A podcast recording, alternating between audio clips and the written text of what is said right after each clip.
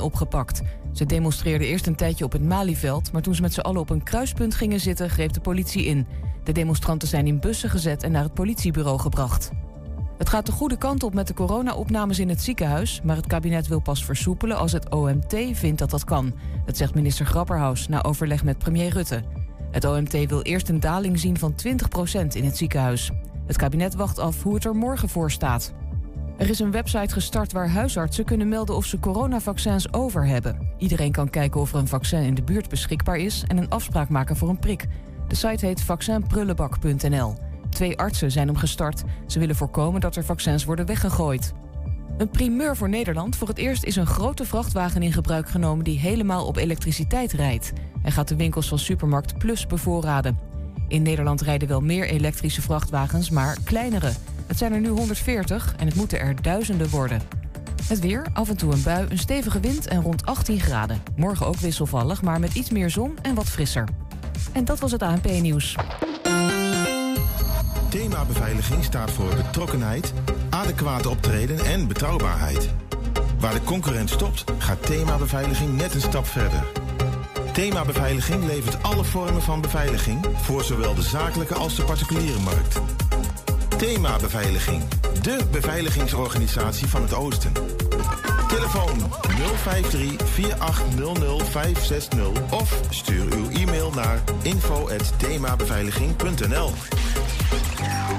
Ik, Hendrik Jan Bukkers, mag de winnende bedrijfslogan van de streektaalmond meer bekendmaken. Hij komt van het Kappershuis in Wien.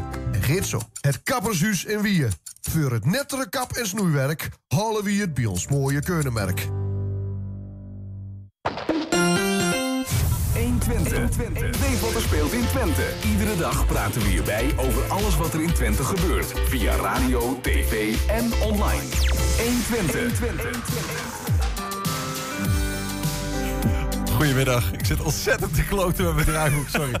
Concordia, Sportaal en Aliva zijn in de Enschede samen een offensief gestart om jongeren uit dat coronaslop te trekken. Ja, bij een demonstratie tegen de coronamaatregelen in Hengelo sprak gisteren onder andere huisarts Bart van Tienen uit Enschede. Het Afrika Festival in Hertme kan uh, niet fysiek doorgaan, ook weer door uh, datzelfde vermalen virus. En brengt daarom Afrika in een doosje bij de mensen thuis. En voormalig SE Fireworks directeur Rudy Bakker stelt dat met onlangs vrijgegeven documenten kan worden bewezen dat hij onterecht veroordeeld is. Het is maandag 10 mei en dit is 120 vandaag. Hoe is het, Julian? Ja, het gaat wel goed met jou. Een mooi weekend gehad? Ik heb een uh, prachtig weekend gehad. Uh, uh, en natuurlijk was het ook moederdag. Oh ja. Dus uh, uiteindelijk hebben we wel uh, genoeg kunnen doen en leuke cadeautjes gegeven aan mijn moeder. En jij? heb jij tevreden kunnen stellen? Ja, ik heb haar een serviesset gegeven, dus daar kun je nooit. Oh, ja, mooi. Kun, daar kun je wel fout mee gaan trouwens, maar we hebben niet gegaan. Nou, ik heb een boeketje. Boeketje. Oh, lekker boeketje. Ja, ja en, en voor mooi, mijn schoonmoeder zei: Ja, is wel leuk. Maar ik zeg altijd: mensen die mij bloemen geven, doe maar een week later. Want dan zijn ze de helft goedkoper. dat vind ik dan weer zo lekker pragmatisch. Mooi. Dan we gaan het uh, eerste item aanvliegen. En het gaat over Nu Niet Zwanger. Dat is de naam van een programma dat uh, kwetsbare mensen moet helpen om bewust om te gaan met een kinderwens. Maar betekent nu niet, later wel of helemaal niet. En hoe werkt zo'n programma dan? Nu Niet Zwanger draait in Enschede, Hengelo en Almelo. Aan de telefoon is projectcoördinator Carla Terbeek. Carla, welkom. Dankjewel, goedemiddag. Even, dit is een samenwerking van gemeenten en ook van de GGD, hè? En jij werkt voor de GGD? Dat klopt, ik werk voor de GGD. En even ter aanvulling, ik ben geen projectcoördinator, maar ik ben inhoudelijk coördinator. Dus dat net iets anders. Even, even inhoudelijk coördinator, wat houdt dat dan in? Dan hebben we dat kader meteen scherp? Ja, ik zeg altijd, ik sta met uh, twee voeten in de modder. uh, dus ik, ik voer ook de gesprekken uh, met deze kwetsbare mensen over de kinderwens. Ik leid aandachtsfunctionarissen op binnen organisaties om deze gesprekken te kunnen voeren. en daarnaast doe ik ook aan, aan, netwerken bijvoorbeeld. Maar we hebben ook nog drie project, of, ja, projectleiders, ik zeg het goed. Mm -hmm. Eentje van de gemeente Enschede en dan nog een van de gemeente Almelo en gemeente Hengelo. Ja, ja, ik hoor al een aantal dingen. Kwetsbare mensen, aandachtsfunctionarissen. Ja. Misschien ja. komen we daar nog wel even op. Uh, en te beginnen bij de, de doelgroep waar je mee werkt. Kwetsbare mensen. Die, wat betekent dat? Wie zijn die kwetsbare mensen? Ja, dat zijn mensen, uh, mannen en vrouwen, uh, in de vruchtbare leeftijd. En die zijn op de een of andere manier kwetsbaar. En dat, kun, dat kan verschillende oorzaken hebben. Dat kan zijn omdat ze bijvoorbeeld uh, een verstandelijke beperking hebben. Uh, dat kan zijn omdat ze in de schuldhulpverlening zitten. Een psychiatrische aandoening hebben. Nou ja, noem het maar op. Maar die mensen die zijn op dit moment kwetsbaar. Duidelijk. En nu niet zwanger doet denken van zwangerschap op een verkeerd moment voor die mensen. Hoe, hoe ontstaat zoiets bij deze, bij deze groep? En ontstaat het bij hen vaker dat je bij moet ingrijpen van waar dit programma?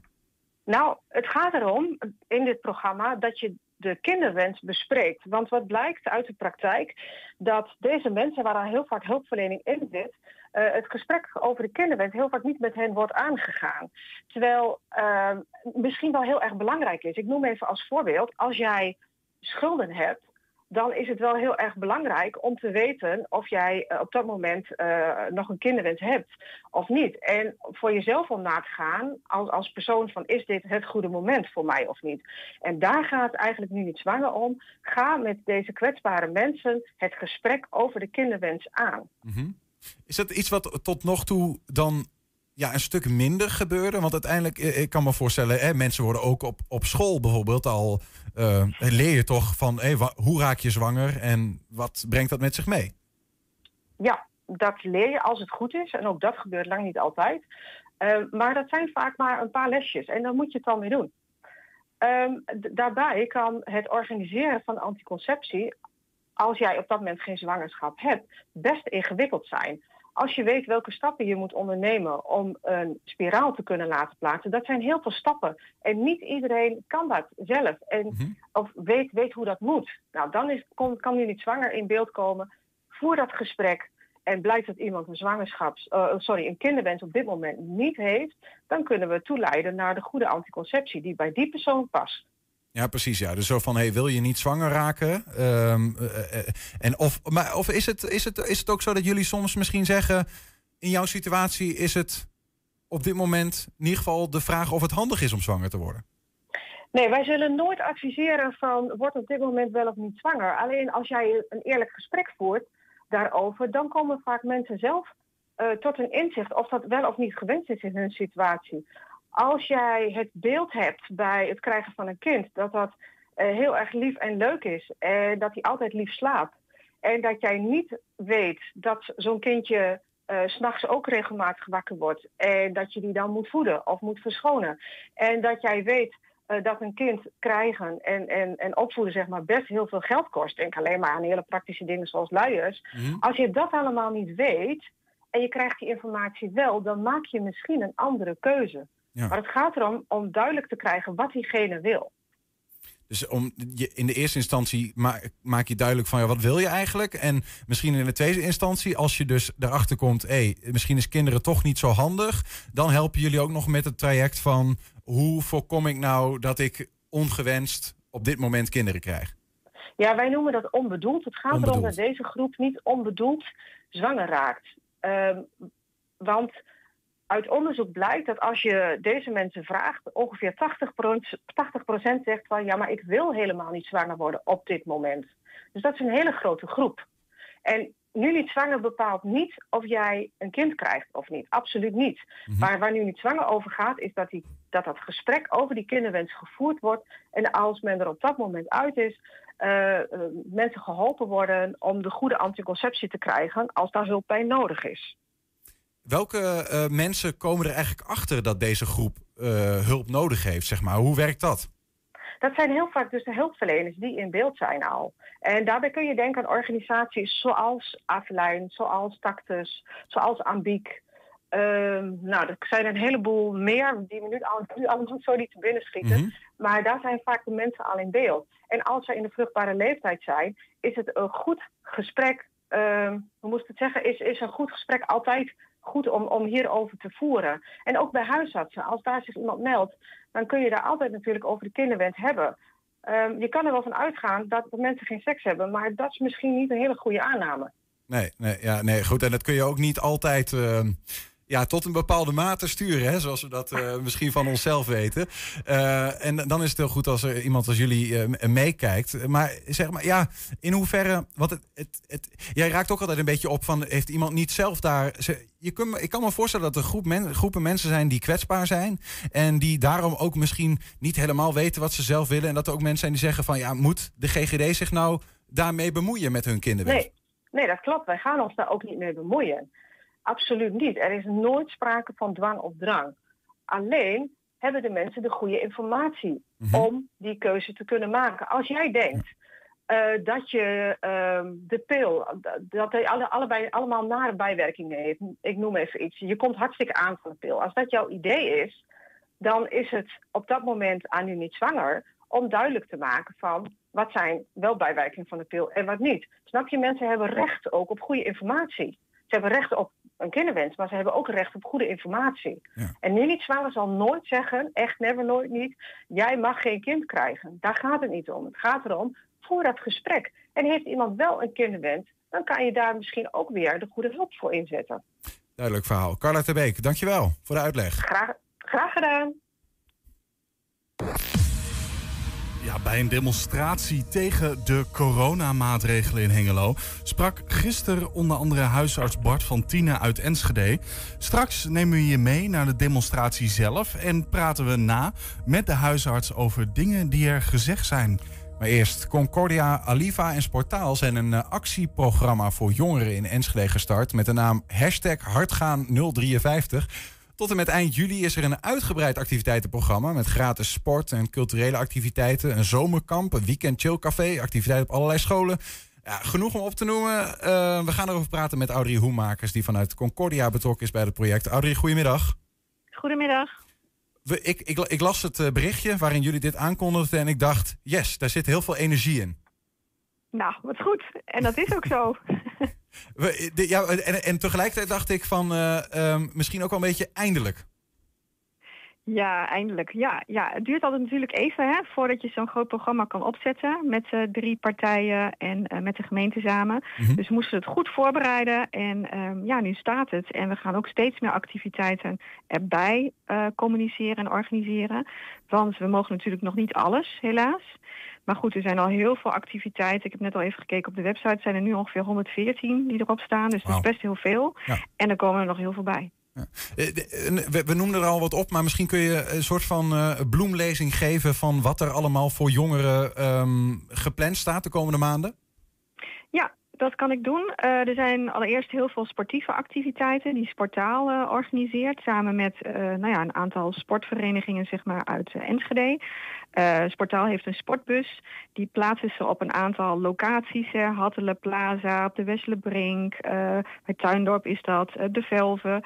Um, nou ja, en in die bus zitten allerlei attributen waarmee je zou kunnen gaan werken. je kan BMX'en, laser gamen, karten, um, bubbelballen. Hè. Dan zit je in van die grote plastic ballen en dan ga je voetballen. Echt heel hilarisch. Ik heb al een leuk filmpje gezien. Ik heb dat altijd al een keer willen doen. Die, wat zeg je? Ik zeg, ik heb dat altijd al een keer willen doen. Dat met zo'n bubbel om je heen en dan voetballen. Jij bent nog geen 27, hè? Ja, ja, ja um, nou, met verlengsnoer. Net niet. Oké, nou ja, misschien, ja, ik weet het niet. Misschien mag je even kijken. Maar uh, nou, nee, het, het, hele programma is eigenlijk voor tussen de 12 en 27 jaar. Ja. dat is een heel breed natuurlijk, uh, een brede leeftijdscategorie. Maar goed, dus veel sportieve activiteiten, ook uh, voetballen. Um, nou ja, er zijn heel veel voetbalverenigingen die hun velden beschik ter beschikking stellen. Avanti, Sparta, Victoria. Victoria. Dus dat is echt hartstikke geweldig dat we dat met z'n allen doen. Vanuit Concordia hebben we een aantal culturele en creatieve activiteiten. Dan moet je denken aan bijvoorbeeld na school op een aantal voortgezet onderwijsscholen, middelbare scholen, een aantal workshops, bijvoorbeeld pimpje kleding of fotografie of filmen.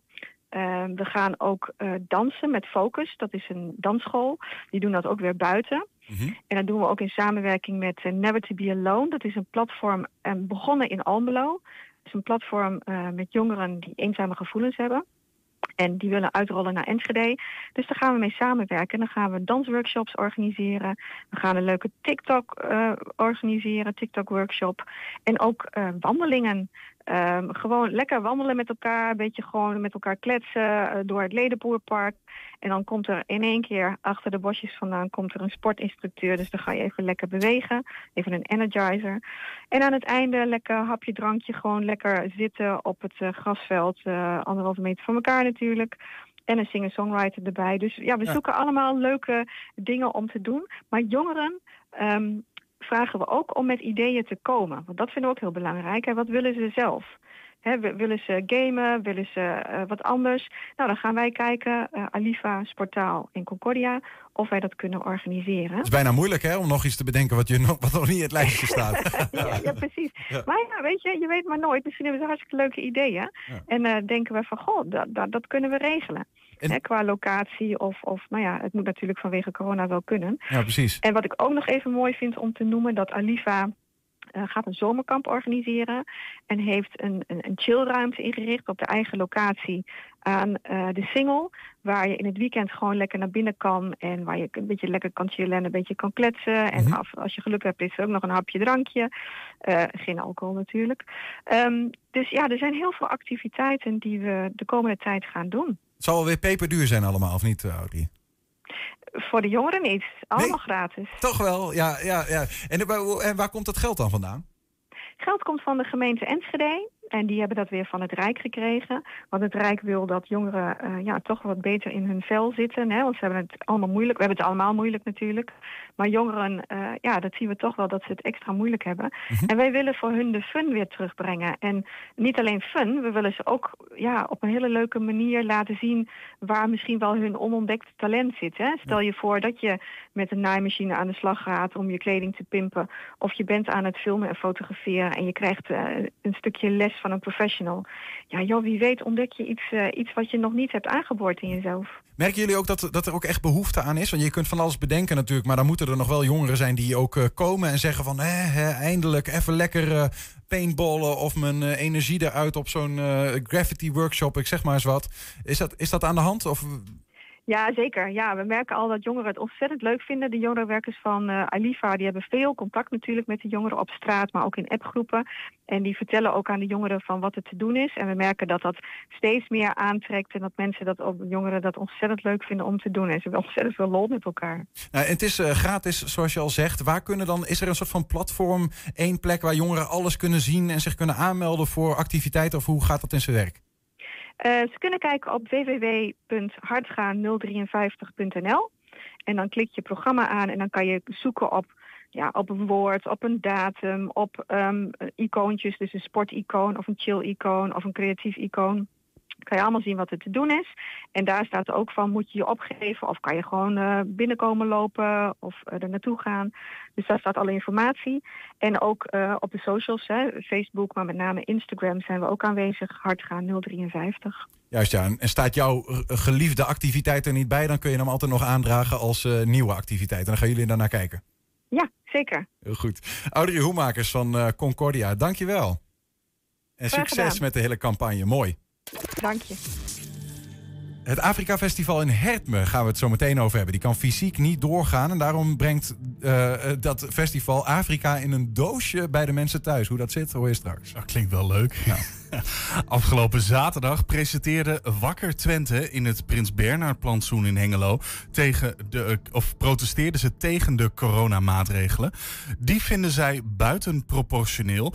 Een van deze sprekers bij de manifestatie was Enschedeze huisarts Bart van Tienen, die pas geleden zijn twijfels uitsprak over het vaccinatieprogramma.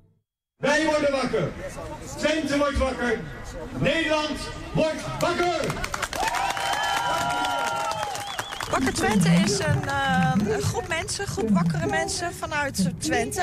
Wij merken bij mensen dat zij denken dat wij uh, op de een of andere manier zeggen dat corona niet bestaat. Maar dat is een van de grootste misvattingen die er zijn. Hè? Wij ontkennen corona niet. Alleen de maatregelen die erop gehandeld of gehandhaafd worden... vinden wij gewoon te overtrokken. Vandaag sta ik hier als bezorgde arts, als bezorgde burger maar vooral ook als bezorgde vader van onze kinderen. Het is nu tijd om te verbinden en te vertrouwen. Drie maanden geleden uh, was jouw coming out, zou je bijna kunnen zeggen. Klopt, ja. Uh, ik zou denken van nou, daarna is het wel even goed geweest. Maar jij staat hier weer met een gloedvol betoog. Ja, er is veel gebeurd afgelopen maanden en ik heb veel nagedacht. Uh, en ik heb ook goed nagedacht of ik deel wil nemen vandaag aan deze manifestatie. maar mijn zorgen zijn niet minder als drie maanden geleden, misschien zelfs wel meer. Dus ik heb besloten om uiteindelijk toch uh, deel te gaan nemen aan deze manifestatie. Nu is het tijd om de nadruk te leggen op een gezonde leefstijl. Alleen dan kan het lichaam zich uitstekend beschermen tegen virusinfecties. Nu ben jij huisarts? Ik ben huisarts, ja. Uh, ja. Dan zou je verwachten dat je subtiel bent in wat je vertelt. Ja. Maar jouw woorden zijn niet... Nee, mijn woorden, mijn woorden zijn subtiel.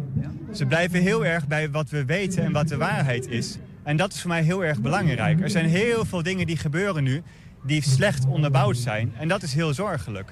Dus ik probeer heel erg te blijven bij waar ik voor kan staan als arts, als burger en als vader. De maatregelen die zijn gewoon erger als de corona zelf. De mensen die het treft, nou dat is gewoon verschrikkelijk. Hè, die worden echt heel ziek. Maar er zijn artsen in Amerika die hebben al 20.000 patiënten genezen met een medicijn. En daar is niemand ziek geworden, is niemand in het ziekenhuis gekomen. Dus zo kan het ook. Jullie zeggen ook, de IC's liggen niet vol. Klopt. Klopt. En, en, ja, als, als je IC-medewerkers hoort, zeggen ze van nou, we, we lopen op ons de broek uit de naad. Ja. Hoe valt dat te rijmen? Uh, kijk, ik heb natuurlijk niet de inside informatie. Uh, Geloof je hen dan niet? Hm? Geloof je die mensen dan niet, die, die, die, die medewerkers? ja, ik, ik vind het heel moeilijk om te zeggen of ik ze niet of wel geloof. Ik kijk heel veel naar alternatieve uh, nieuws. En daarin zijn heel veel artsen, maar ook zusters, verplegende mensen... die hebben gezegd van ja, maar de IC's liggen niet vol. Ja, jij zei je hebt het zelf gehad? Ik ben drie weken ziek geweest, ja. Dus ja, ik, ik kan me niet herinneren dat ik ooit zo ziek ben geweest van een, een griep. Want dat noem ik het maar, want dat waren wel de verschijnselen. Ja, en toch zeg je van, ik geef iedereen nu weer een knuffel als ik de kans krijg. Absoluut, absoluut. Dat is goed voor je immuunsysteem. En een goed immuunsysteem zorgt ervoor dat jij uh, bestand bent tegen heel veel dingen. En dat is belangrijk. En afstand nemen is, is voor mij heel tegenstrijdig. Voor mijn gevoel wordt er heel veel nadruk gelegd, al dan niet bewust, op angst, onzekerheid, polarisatie. Maar dat moet niet. We moeten ons verbinden. En we mogen zorgen uiten. En dat kan verbinden. Ik heb mijn zorgen geuit naar mijn patiënten. Ik heb ze een persoonlijke brief gestuurd als ik de uitnodiging moest sturen voor de vaccinatie. Waarin mijn gewetensnood stond. Bijna alle patiënten waren blij met die brief. Want ze zeiden, dokter, je mag een zorg uiten. En ze waren het niet allemaal met mij eens. Maar we konden erover in discussie. Ja, ik, ik zeg gewoon, neem die prik niet. Neem hem gewoon niet. En dat vindt iedereen hier ook? Of is iedereen, zijn er allemaal verschillende meningen die hier lopen? Nou, ik denk dat hier over het algemeen wel iedereen zegt van... nou, neem die prik gewoon niet. Want wij zien uh, nou ja, eigenlijk gewoon uh, de vaccinatie als gif. Maar je hebt wel zelf gevaccineerd? Hoe, hoe, ik heb gevaccineerd. Dat? dat voelde heel dubbel. En ik heb heel lang getwijfeld of ik dat zou doen. Maar ik ben niet degene die besluit dat wij als huisartsen moeten vaccineren. Ik heb mij als huisarts te houden aan afspraken die beroepsgroepen maken. En dat wil ik ook graag doen. Maar ik heb besloten om een persoonlijke gewetensnood toch kenbaar te maken aan mijn patiënten. En dan kan ik daar ook achter staan. Want dan kunnen mensen met de juiste informatie... niet alleen de ene informatie, maar ook de andere... een weloverwogen keuze maken. Wat, wat, moet de overheid doen om jullie gerust te stellen? Of in elk geval het gevoel te geven dat jullie gehoord worden? Dat gaat de overheid niet doen. Dus? Dus wij gaan gewoon door met demonstreren en fakkeltochten houden en wandelingen uh, houden. En ik, ja, ik vind dit geweldig. Kijk toch eens jongens, wat, uh, wat een leuke opkomst. We'll have to wear a face mask. They're a symbol for slavery. Fuck up our immunity. Don't believe the joke they put on you. Don't believe,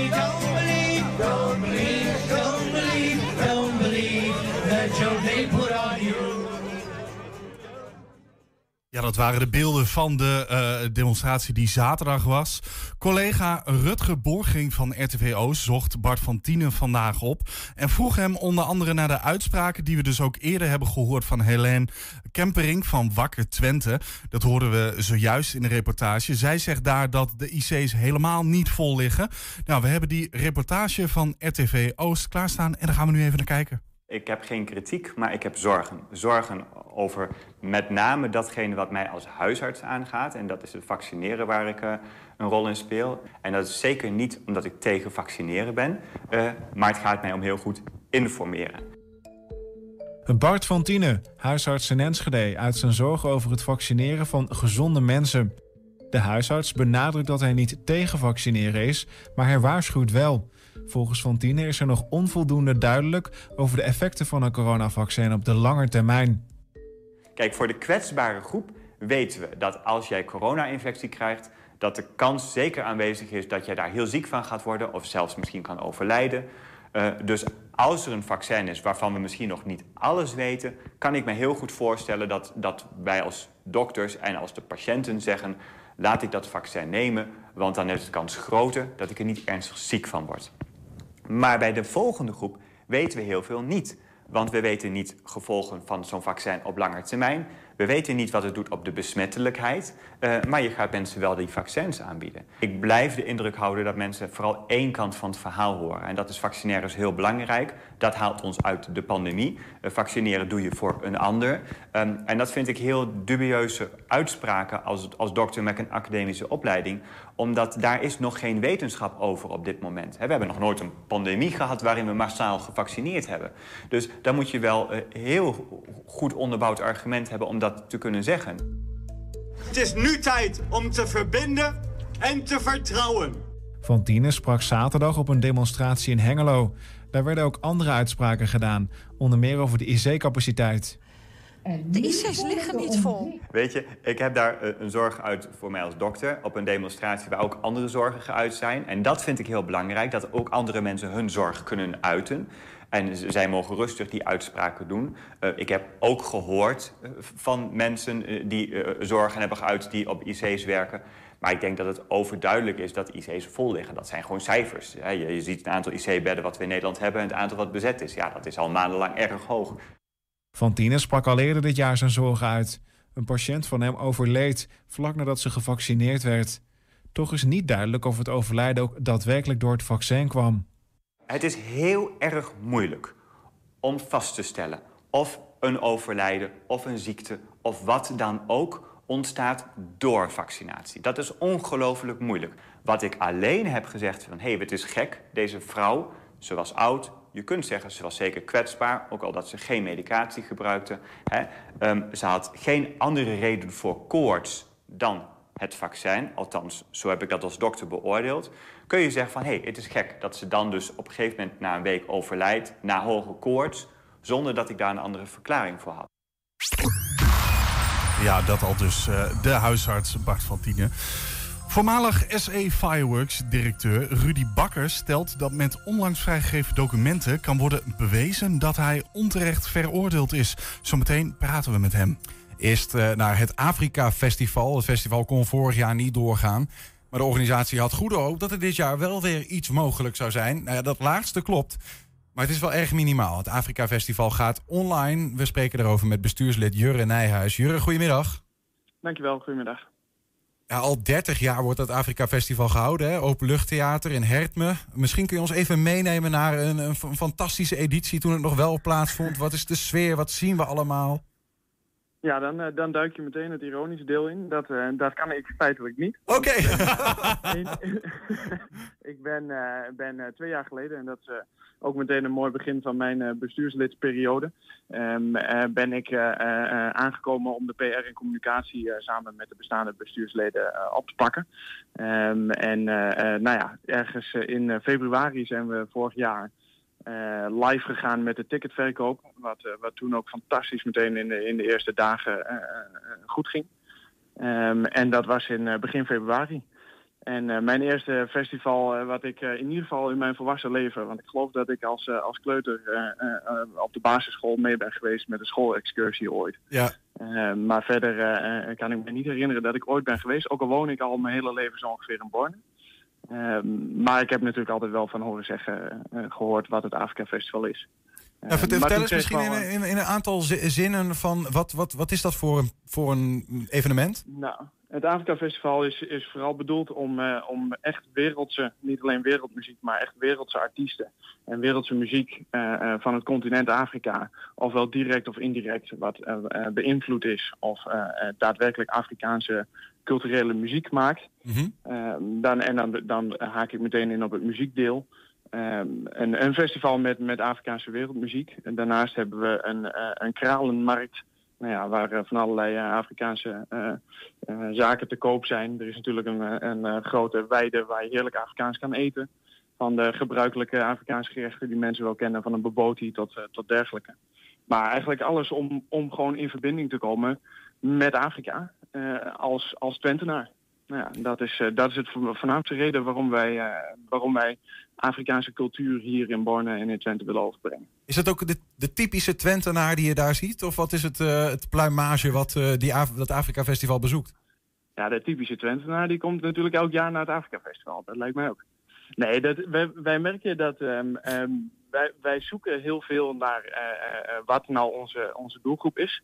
Um, wij merken dat heel veel mensen juist al een binding hebben met Afrika. Ofwel uh, dat zij in een, in een bepaald circuit zitten of uh, vanuit afkomst of wel vanuit. Wat je veel hoort is dat mensen hier een uh, Afrikaanse partner of een Afrikaanse partner heeft een Nederlander leren kennen en die zijn door de jaren heen verliefd geworden, getrouwd of iets dergelijks. nou, die wonen ofwel in Amsterdam hebben we veel mensen die, die heel trouw al vele jaren naar ons festival toekomen. grote steden zitten over het algemeen de meeste fans, mag ik wel zeggen. In Twente uh, valt het helaas ten opzichte van de grote steden een beetje tegen. Maar daar, daar zijn we hard voor aan het werk. Daar uh, zijn we naar op zoek. Ja. Je zou soms bijna denken dat het dat Afrika Festival op de verkeerde plek zit daar in Hermen. of niet? Zeg maar.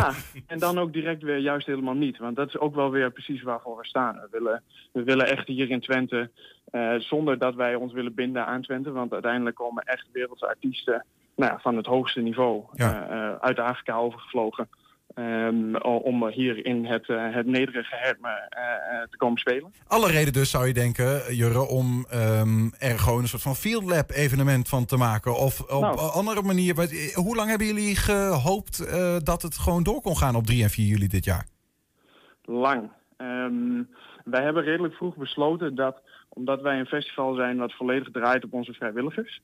Um, dat wij niet uh, uh, hetzelfde wilden doen wat heel veel grote festivals deden. Namelijk of doen uh, verplaatsen naar augustus, september. Mm -hmm. um, dat wordt sowieso voor elke festivalganger voorlopig nog een hele drukke agenda in die periode. het Afrika Festival wilde daar niet te vroeg, ook wel omdat wij in het eerste volle weekend van juli normaal gesproken altijd het Afrika Festival vieren. wilden wij niet te vroeg daarover beslissen dat wij zomaar zouden verplaatsen. Plus wij hadden altijd nog wel een beetje goede hoop dat een aangepast programma toch tegen die tijd wel mogelijk was. Ja. Uh, nou ja, lang genoeg gewacht ondertussen, dachten we. Ja, dus je hebt een knoop doorgehakt om uh, het fysieke festival te schrappen. Maar er is, er is wel een uh, alternatief wat, nou ja, een pleister op de wonden is misschien. Maar wat hebben jullie bedacht? Nou, wij hebben, wij, het belangrijkste wat wij willen doen is dat mensen, en, en of wij het nou organiseren of niet, dat hebben we vorig jaar ook wel gemerkt. Um, mensen vieren het eerste volle weekend van, van juli het Afrika Festival weekend. Vorig jaar toen het niet doorging, hebben wij een heleboel mooie foto's en verhalen ge, uh, opgestuurd en, en te horen gekregen van mensen die het hele weekend lang samenkwamen en over Afrika samen gingen praten, verhalen deelden mm -hmm. en bij elkaar waren.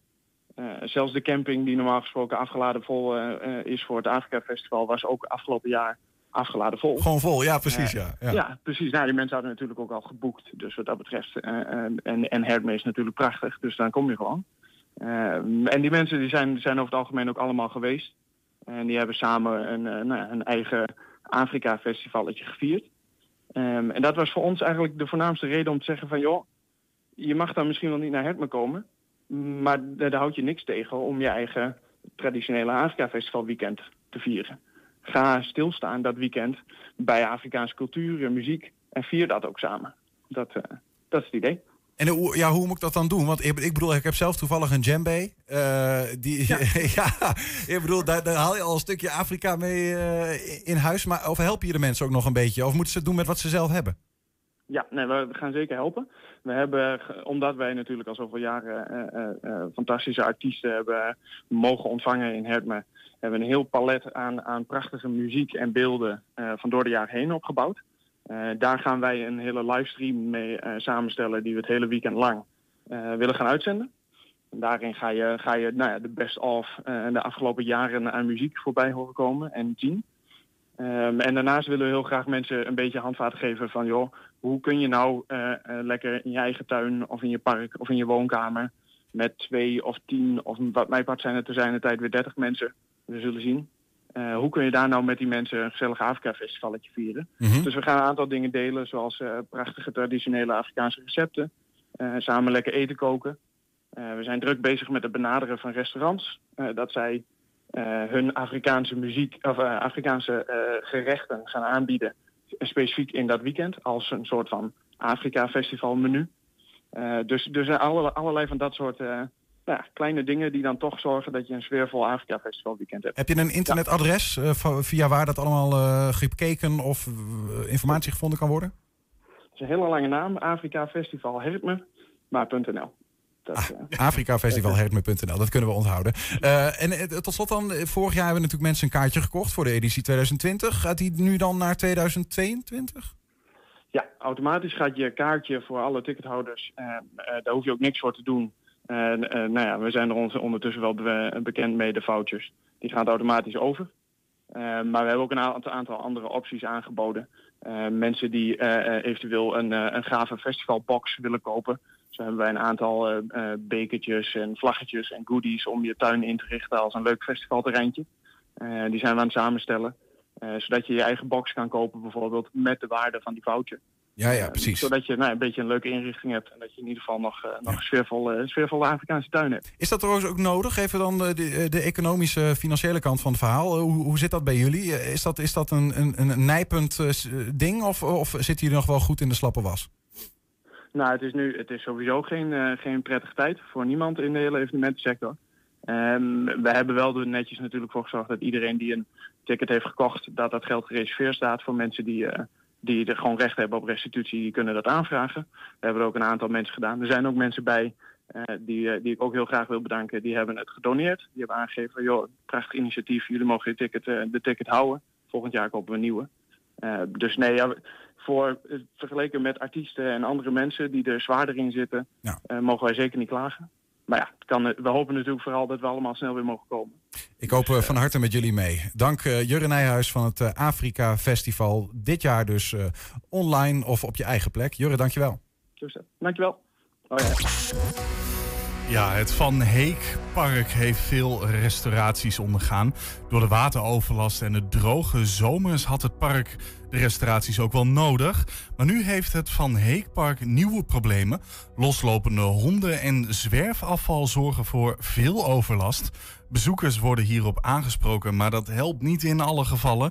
Nou, we gingen op pad met parkbeheer Gerard Oude-Vrielink. Nou, hier, hier, hier komen we dus in het begin van, eh, van de paden, de vernieuwing van de paden, om te laten zien aan de, aan de bevolking. Hierachter waren paden die lagen wel 40, 50 centimeter lager op sommige punten. We hebben daar ook wat beelden van, foto's van hoe de waterpartijen waren daar. En eh, dat hebben we allemaal met die duurzaamheid van hergebruik van materialen heel mooi op kunnen hogen. Het gebied wat je hier nou zo verder ziet, dat, dat was gewoon één diepe kuil. Je ziet het aan de zijkanten ook nog wel. Het is nu even wat een, een beter drogere periode, maar je ziet het wel, die dieptes die hierin zitten. En dit noemen ze dolomietenzand. En daar hebben we het helemaal mee afgewerkt. Alle paden die krijgen die afwerking en dat is vrij stabiel. Als er geen gekke dingen gebeuren, dan, eh, dan heb je daar lange tijd eh, plezier aan. En de secundaire paden, zoals deze, en die je daar het bos in ziet lopen en zo, dat zijn kleine paadjes. Die hebben wel die toplaag, maar daar hebben geen keien aan de zijkant. Om dat, om dat verschil goed te laten zien. eh. Ja, dit is natuurlijk het pareltje van het park, het zogenaamde ovaal. En eh, ja, het, is nu mooi beschikbaar voor evenementen. Wij doen hier jaarlijks samen met wat partijen bijvoorbeeld een film- en uh, foodtruckdagen. Dit terrein wordt dus heel intensief gebruikt. En als je nu met corona de mensen die graag in het park willen, hebben het ook intensief gebruikt. We hebben daar eigenlijk gezien, wat ook op tv wel vaker geweest is in andere parken, ook veel overlast. We hebben bijvoorbeeld het maaiwerk stop moeten zetten, omdat er allerlei glas was uh, kapot gegooid. En, uh, maar we moeten ook zelf zorgen dat er faciliteiten zijn. We hebben bij, elke bank hebben we zo'n afvalbak staan. Nou, dit is een kleintje. En we hebben nu groter besteld om te voorkomen dat zij niet met het afval ergens naartoe kunnen en overal neergooien. Dan zul je nog niet alles pakken, maar dan doe je er zelf in ieder geval ook aan faciliteiten wat aan om dat, die overlast terug te dringen. We willen toch promoten dat zoveel mogelijk mensen met de fiets of wandelend naar het park komen, maar dat bij de ingang van het park dan ook die fiets weggezet kan worden, zodat je in het park zelf geen overlast van fietsers hebt. Dat is wel een beetje de bedoeling. Dit hekwerk is nu nog niet compleet, maar dat komt omdat er nu nog gewerkt wordt met grote machines en die moeten hier in en uit. Maar straks is dat helemaal dicht en heb je één poort waar je door kunt en waar ook een bordje staat wat allemaal wel en niet moet doen in dit park. Een probleem wat we toch wel in het park hebben, dat is uh, het probleem van dat mensen de dier, graag de honden uit willen laten en uh, dat her en der in het park doen. En hebben we gezegd, als we nou aparte laten plaatsen, hub noemen ze ze, maken. Nou, dat hebben we helemaal. En je ziet daar ginds ook wel mensen op een bankje zitten. Dus we hebben het ook echt ingericht, et cetera. En dat functioneert op zich goed.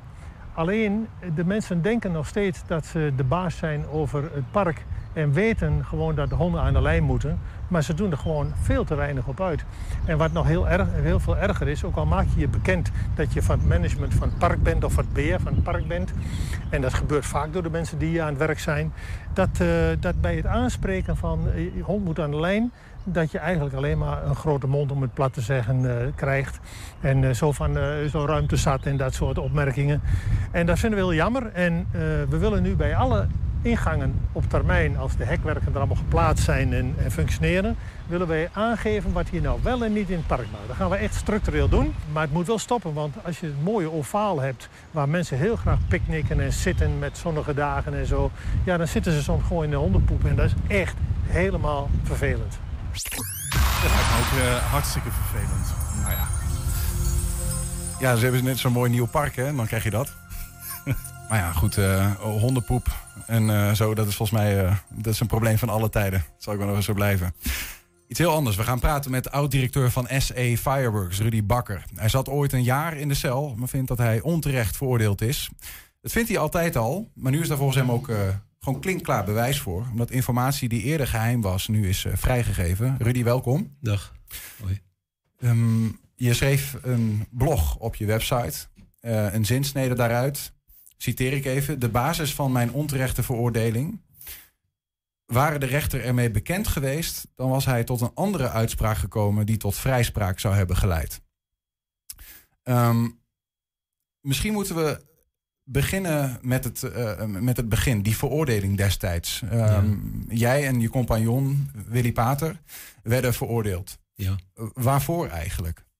Wij werden veroordeeld voor het overtreden van de milieuvergunning. En dat hield in dat uh, de overheid vond, of althans de rechterlijke macht vond, dat er bij ons op het terrein te veel en te zwaar vuurwerk zou hebben gelegen. En dat was volgens het gerechtshof uiteindelijk uh, voldoende om SC Fireworks te veroordelen en dat ik dan leiding heb gegeven aan dat bedrijf. Op het bedrijf, op het terrein van SA Fireworks, de, de, de vuurwerkhandel opslagplek die uiteindelijk nou ja, geleid heeft tot de vuurwerkramp van Enschede, lag volgens um, de overheid te veel vuurwerk. Te veel en te zwaar vuurwerk. Te veel en te zwaar. Te veel en daaraan hebben zij, uh, daaraan hebben zij gekoppeld dat het ook te zwaar vuurwerk zou liggen mm -hmm. in bepaalde opslagplaatsen. Ja. Hoeveel um, mocht er volgens de vergunning dan liggen? Volgens de vergunning mocht er 158 ton liggen. En hoeveel lag er volgens de aanklagers? Volgens de aanklagers, men heeft gesproken op een zeker moment van 170 à 180.000 kilo. Maar het is gebaseerd op, op eigenlijk lucht. Daar komen we zo nog op, want daar heb, je, daar heb jij dus nu ook uh, nou ja, bewijzen voor dat dat, dat, dat, dat lucht is. Ja. Um, en even over, dat is dan te veel. Dan hebben we nog het, het, het labeltje te zwaar. Ja. Um, uh, wat, wat mag en wat, he, wat zeiden de aanklagers dat er lagen? De aanklagers hebben gezegd dat er te zwaar vuurwerk zou liggen van bepaalde soorten en dat die de ramp hebben veroorzaakt. Maar dat is niet het geval geweest en helemaal niet op de plaats waar dat zou hebben gelegen. Mm -hmm. Um, nou, heb jij eigenlijk altijd al verzet tegen deze aanklacht? Ja, zeker. Wat niet zo is, is niet zo. Dat zou jij ook doen, dat zou iedereen doen. Ja. Ik wist als geen ander wat er was.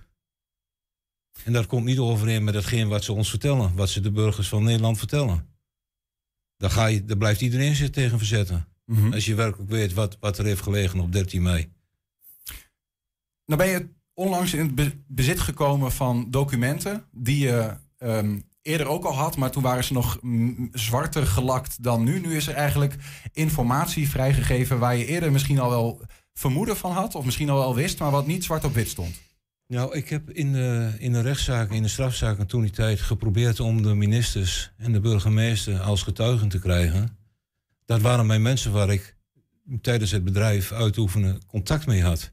Die mensen wisten wat er bij ons op het eh, bedrijf gebeurde, wat er zich afspeelde Mhm. en wat wij voor een bedrijf waren. Welke vergunningen wij daarvoor hadden, et cetera, et cetera. Wij hadden dagelijks contact, bijvoorbeeld met het ministerie van Verkeer en Waterstaat. Dat is onze grootste partij eigenlijk, waar wij als vuurwerkimporteurs eh, zaken mee doen. Op basis van vergunningverlening, op basis van wetgeving, op basis van regelgeving, et cetera, et cetera. Ja. Dat maakt ook, maar dat is me afgewezen in de strafzaak door de rechterlijke macht. Want ik moest het niet in mijn hoofd halen om een minister op te roepen als getuige. Mhm. Waar had ik dat lef weg? En dat geldt ook voor de burgemeester van Enschede. Ik wil gewoon die mensen wat vragen. Maar het kan er- niet zo zijn dat op 13 mei die mensen verdwenen zijn. Dat, wij- dat ik als importeur of als eigenaar van een bedrijf de, de mensen niet meer wat mag vragen. Maar de, eh, dus om het even te begrijpen, je zegt eh, de, de minister of mensen werkend bij het ministerie van Verkeer en Waterstaat hadden ehm, getuigend zeg maar, jouw onschuld kunnen bewijzen. Jazeker. Op dat moment was het al zo. Men wist hoe het zat. Ons vuurwerk werd geclassificeerd in China. Die code wat daar opkomt is leidend. Mhm. Dat is ook zo. Dat moet Nederland ook accepteren. Iedere lidstaat in Europa moet dat accepteren. Mhm. Dat Nederland daar vervolgens een eigen eh, inzichten aan, aan geeft en eigen vertaling aan geeft voor, voor regelgeving van opslag. Ja, dat is niet aan mij. Tegen mij hebben ze gezegd: je hebt dat vuurwerk verkeerd geclassificeerd. Het is, het is verkeerd geclassificeerd in China, jij hebt het geïmporteerd, dus jij bent verantwoordelijk. Maar zo zit het niet. Nederland moet dat accepteren. Daar heb ik mij aan gehouden. J- jij hebt naar eer en geweten je gehouden aan kla- klassificaties zoals die in China gegeven zijn. En meer kun je niet doen, zeg je. Sterker, daar mag je helemaal niets aan doen. Dat is de verantwoordelijkheid van de landen.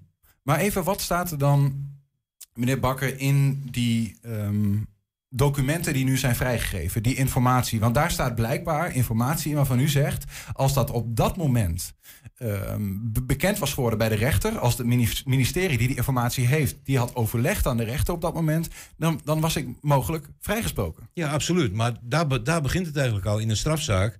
Het onderzoeksteam van politie en het Openbaar Ministerie zijn alle mini- ministeries langsgegaan. Mhm. En daar hebben, hebben ze gewoon bij sommige ministeries en bureaus hebben zij nul op het orkest gekregen. En het zou er zogenaamd niet zijn. Er was geen documentatie voorhanden. En ik ben, dat, ik ben daardoor geweldig getriggerd voor twintig jaar terug. En uiteindelijk heeft dat uitgemond in een, in een stuk. Die wat ik van een beleidsmedewerker van VROM onder ogen heb gekregen. Daarin hebben wij ontdekt wat, er ook, wat voor documenten of daar eigenlijk aan de grondslag liggen. Mhm. En welke documenten bij diezelfde ministeries in bezit waren die wat zij niet af hebben gegeven in de strafzaak. Ja. Nou, dan word je. Iedereen wordt gewoon ontzettend nieuwsgierig. En uiteindelijk heeft dat geleid van, ja, oh, wacht eens even. Wat staat hier allemaal? Er is notabene iemand op afgepromoveerd in 2010. Die heeft inzicht gekregen die in heeft die documenten. inzicht gehad in al die documenten. en die heeft een proefschrift gemaakt van 325 pagina's met zeer nadelige kritiek voor de Nederlandse overheid op basis van beleids- en beleids- en, wet- en wetsregels. Dan wil ik dat wel graag weten. Dat recht heb ik dan ook om het te krijgen. Dus dat, toen ben je de jacht op die stukken begonnen? Toen zijn we de jacht op die stukken begonnen. En uiteindelijk zijn we zo ver gegaan dat wij in 2018 een, een, een verzoek hebben gedaan. WOB-verzoek bij datzelfde ministerie van Verkeer en Waterstaat. Maar dat werd gewoon eh, getorpedeerd. Dat werd eh, afgedaan als zijnde, hoe kom je erbij en et cetera. Dat kostte ons heel veel rechtszaken. Om uiteindelijk bij de Raad van State terechtgekomen. Maar ze, eh, ontkennen ze dat die stukken bestonden of bestonden ze wel? Nee, ze, ze on- ontkenden in alle, in alle eh, aanvaringen werd Mhm. ontkend dat die stukken eh, er waren. Slechts mondjesmaat kwam er een druppeltje vrij. En vervolgens, in opdracht van de rechtbank Zwolle, werd er verzocht om toch een aantal stukken af te geven. Mhm. Nou, daar waren wij niet mee akkoord. We zijn in beroep gegaan. Opnieuw weer een aantal stukken. Opnieuw weer in beroep. Weer naar de Raad van State. Zitting, zitting, zitting, zitting. Talloze zittingen. En uiteindelijk heeft de Raad van State het ministerie opgedru- opgedrukt van... u moet de documenten afgeven. Realiseert u zich wel waar u hiermee bezig bent? Dat er mogelijk grote gerechtelijke dwalingen zijn geweest. Dat is een positief punt, toch? Ja, absoluut. In ons, eh, Dat in zegt- ons eh, rechtsstaatssysteem, dat, de Raad van State hier insprong. Dat zegt de Raad van State Ja. tegen ons. En tegen het hetzelfde ministerie. Ja. Vervolgens hebben ze maanden de tijd gekregen om daarover te doen. En echt één minuut voor twaalf krijgen wij de stukken op 4 mei. Waarom één minuut voor twaalf? Dat, was, de, dat was de deadline gesteld door de Raad van State. En wat, misschien kun je ons proberen eh, als, als een leken, want het is, het is misschien wel een ingewikkeld verhaal over, over vergunningen, maar misschien is het ook wel heel simpel uit te leggen. Misschien kun je ons meenemen, wat staat daar nou in de kern in die documenten? SCFI Works heeft, ge- heeft zich gehouden aan, aan de voorwaarden die werd gesteld zijn door de Nederlandse wet en regelgeving en de overheid en de gemeente Enschede. Dat was op, op, op 13 mei om 5 voor 3 was dat allemaal goed. Wij hielden ons aan de, aan de klassificatie die wat we zelf... daar Sta- kunnen Staat we dat zelf, in die documenten, zo expliciet? Daar kunnen we zelf helemaal niets aan veranderen. Je moet echt heel goede kennis van zaken hebben. Wil je daarover te kunnen oordelen? Het, het, het ministerie van Verkeer en Waterstaat stelt zelfs in de geheime documenten dat je moet het wetenschappelijk weten. Het is zeer, zeer, zeer complex om dat als leek zijnde, om dat als, als, iemand, als iemand van de burgerij dat te kunnen doen. Je, de codes in China zijn leidend. Maar Nederland heeft een misklappen gemaakt en die heeft daar een eigen situatie aangehangen. En dat maakt, en dat is de schuld van Nederland zelf, maar vervolgens zegt Nederland: nee, bakken, jij. Wordt, wordt u, ehm, Rudy Bakker, misschien Willy Pater ook, SC Fireworks expliciet genoemd in die documenten? Of zeggen Ja, die documenten correct. iets over het systeem? U wordt Nee. ook echt genoemd. Dat gaat, dat gaat over de vuurwerkramp En 13 in, mei dat, 2000. in die documenten staat ook al, Bakker had eh, naar eer geweten niet kunnen weten als Ja, eh, correct. dat hij eh, mogelijk buiten vergunningen zou zitten. Ja, correct. Dus u zegt eigenlijk, A, ik zat qua milieuvergunning betreft, zat ik binnen de perken. Namelijk, ik had niet te veel en niet te zwaar. Maar zelfs als dat zo was, had ik het niet kunnen weten, omdat klassificeringen ehm, zo ingewikkeld waren, Wij dat ik het niet dat had niet. kunnen weten. Dat mag niet, dat mogen wij niet. Dat wordt in China gedaan en, en dat is leidend. Die code wat erop komt is leidend. Dat mag niemand. Het land, het land van, van herkomst wordt, eh, wordt klassificaties uitgevoerd. Mhm. En die zijn ook correct. En dan is het nog maar zeer de vraag of het te veel en te zwaar vuurwerk zou zijn. U bent veroordeeld tot een jaar celstraf. U bent ook veroordeeld tot een misschien wel levenslang ehm, gezien worden als iemand die, hier, die een, eh, een fout heeft begaan waardoor een, een woonwijk is, eh, is weggevaagd. Ja, helaas u wel, zegt, ja. u zegt het ministerie van VWS had stukken. Als ze die aan de rechter hadden overlegd op dat moment, dan was, was ik in deze zeg Ja, maar buiten schot gebleven. Ze hebben, de, ze hebben de stukken gewoon achtergehouden. Ze hebben de stukken werkelijk achtergehouden. Ze hadden de stukken af moeten geven. Waarom? Aan het onderzoeksteam, aan de commissie Oosting. Dan had iedereen daar op dat moment al kunnen zien hoe het in elkaar eh, had gezeten. Dat hebben zij niet gedaan. Waarom heeft het VWS dat niet Zij wilden gedaan? de schuld niet hebben van de vuurwerkramp. Dat kan beter een individu zijn. Een bedrijf zijn. Zo staat de vlag erbij. En dat is een hele kwalijke zaak. Is er een. Kijk, uiteindelijk, als er fouten ehm, ontstaan, waar die dan ook liggen, dan hoop je daarvan te leren, ook als Ja, land. natuurlijk. Zijn, er- zijn, er dingen, ge- ge- eh, zijn er dingen veranderd eh, naar aanleiding van deze. Nee. Dat is nog steeds zo. Men, heeft de schuld, men probeert gewoon de schuld te leggen bij de importeurs. Maar er is in 20 jaar niets veranderd in Nederland. Men accepteert het gewoon niet. Men wil ook niet de verantwoordelijkheid daarvoor dragen. Maar er heeft iedere lidstaat in, in, in, in Europa heeft daar eh, voor getekend. En dat weigert men gewoon. En dat is, dat is eigenlijk wel bedroevend. Maar meeste wat mij aan het hart gaat, ik ging er altijd vanuit dat als er een strafzaak komt, als de politie daarbij komt, als de onderzoeksteams daarbij komen, dan wordt het duidelijk. Het is niet gebleken. Omdat de informatie nog- die bekend was niet werd overgeleverd aan de rechter. Het werd niet afgegeven. Het werd niet afgegeven aan de politie. De politie onderzocht daar niet dieper naar. Sterker nog, er is zelfs een PV-opslag opgemaakt door de politie Twente. Waarin men gewoon aan bunker C11, de, de, de bunker waar de explosie in heeft plaatsgevonden, gewoon gezegd heeft, daar heeft het zwaarste vuurwerk gelegen. En, de, en die, die PV-opslag wordt, is notabene vals opgemaakt. Maar één ding snap ik niet, meneer Bakker. Als er nou ehm, toezichthouders, mensen die bij u op bedrijf komen en zeg maar gaan kijken, heeft Bakker de boel op orde? Eh, voldoet hij aan de vergunningen? Hoe kunnen ze nou zeggen, Bakker voldoet aan de veiligheidsvoorschriften als, als zij mogelijk zelf niet eens weten eh, eh, wanneer iets veilig is? Maar dat wisten zij wel. Die documenten waren bekend bij de, bij de beleidsmedewerkers, bij de handhavers. Die documenten waar u nu over Ja, heeft? zeker. Maar en toen, toen ze zagen, Bakker zit voor de rechter en hij wordt veroordeeld. En toen? Ja, dat, klaarblijkelijk gaat dat zo in Nederland. Die hebben niet gezegd van luister eens even, Nee, hoor. de, de, de, eh, Bakker kan er niks aan doen. Nee, Hij- dat doet men gewoon met droge ogen. Dat doet men met droge ogen. Het interesseert ze niets. Het, het interesseert ze gewoon niets. Ik, ik heb, ben nog benieuwd naar uw reactie op een andere eh, ehm, eh, insteek van dit verhaal. Er zijn ook bronnen die zeggen, ja, Bakker is niet veroordeeld vanwege de, dat hij de milieuvergunning, zeg maar, dat hij buiten de milieuvergunning handelde, maar dat hij geen gebruiksvergunning had voor vuurwerk. Want dat, is de, dat heb je nodig als je eh, vuurwerk op je opslagplek hebt. Ja, eh, maar in de, in- er wordt van alles gezegd door dat soort mensen. De, brandweer, de brandweerwet en de brandweerzorg, dat is een expliciete overheidstaak. Ja, die doet, dat- die doet daar ook toe. Mhm. Maakt daar onderdeel van uit. Maar dat zegt niets over het product.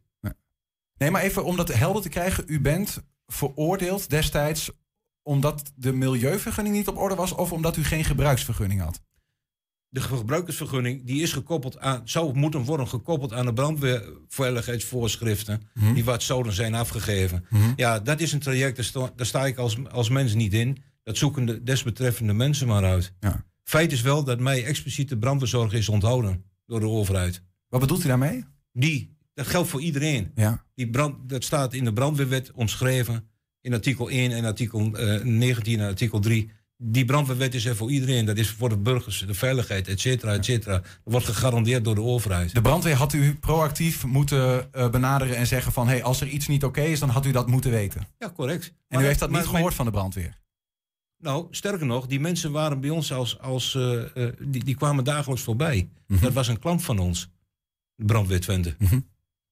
Zij wisten exact hoe het was. Maar ook na 13 mei hebben die mensen een blackout. Die praten daar niet meer over. Die willen er gewoon niet over praten.